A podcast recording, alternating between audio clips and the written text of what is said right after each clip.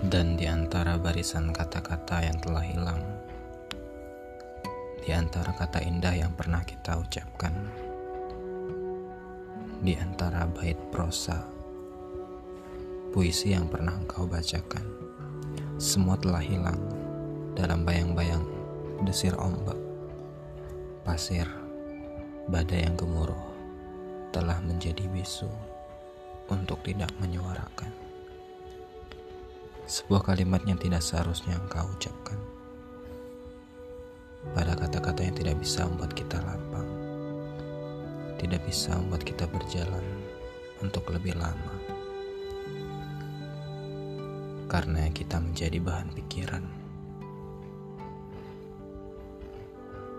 Dinding-dinding yang kosong tidak berpenghuni menjadi nyala api yang membara.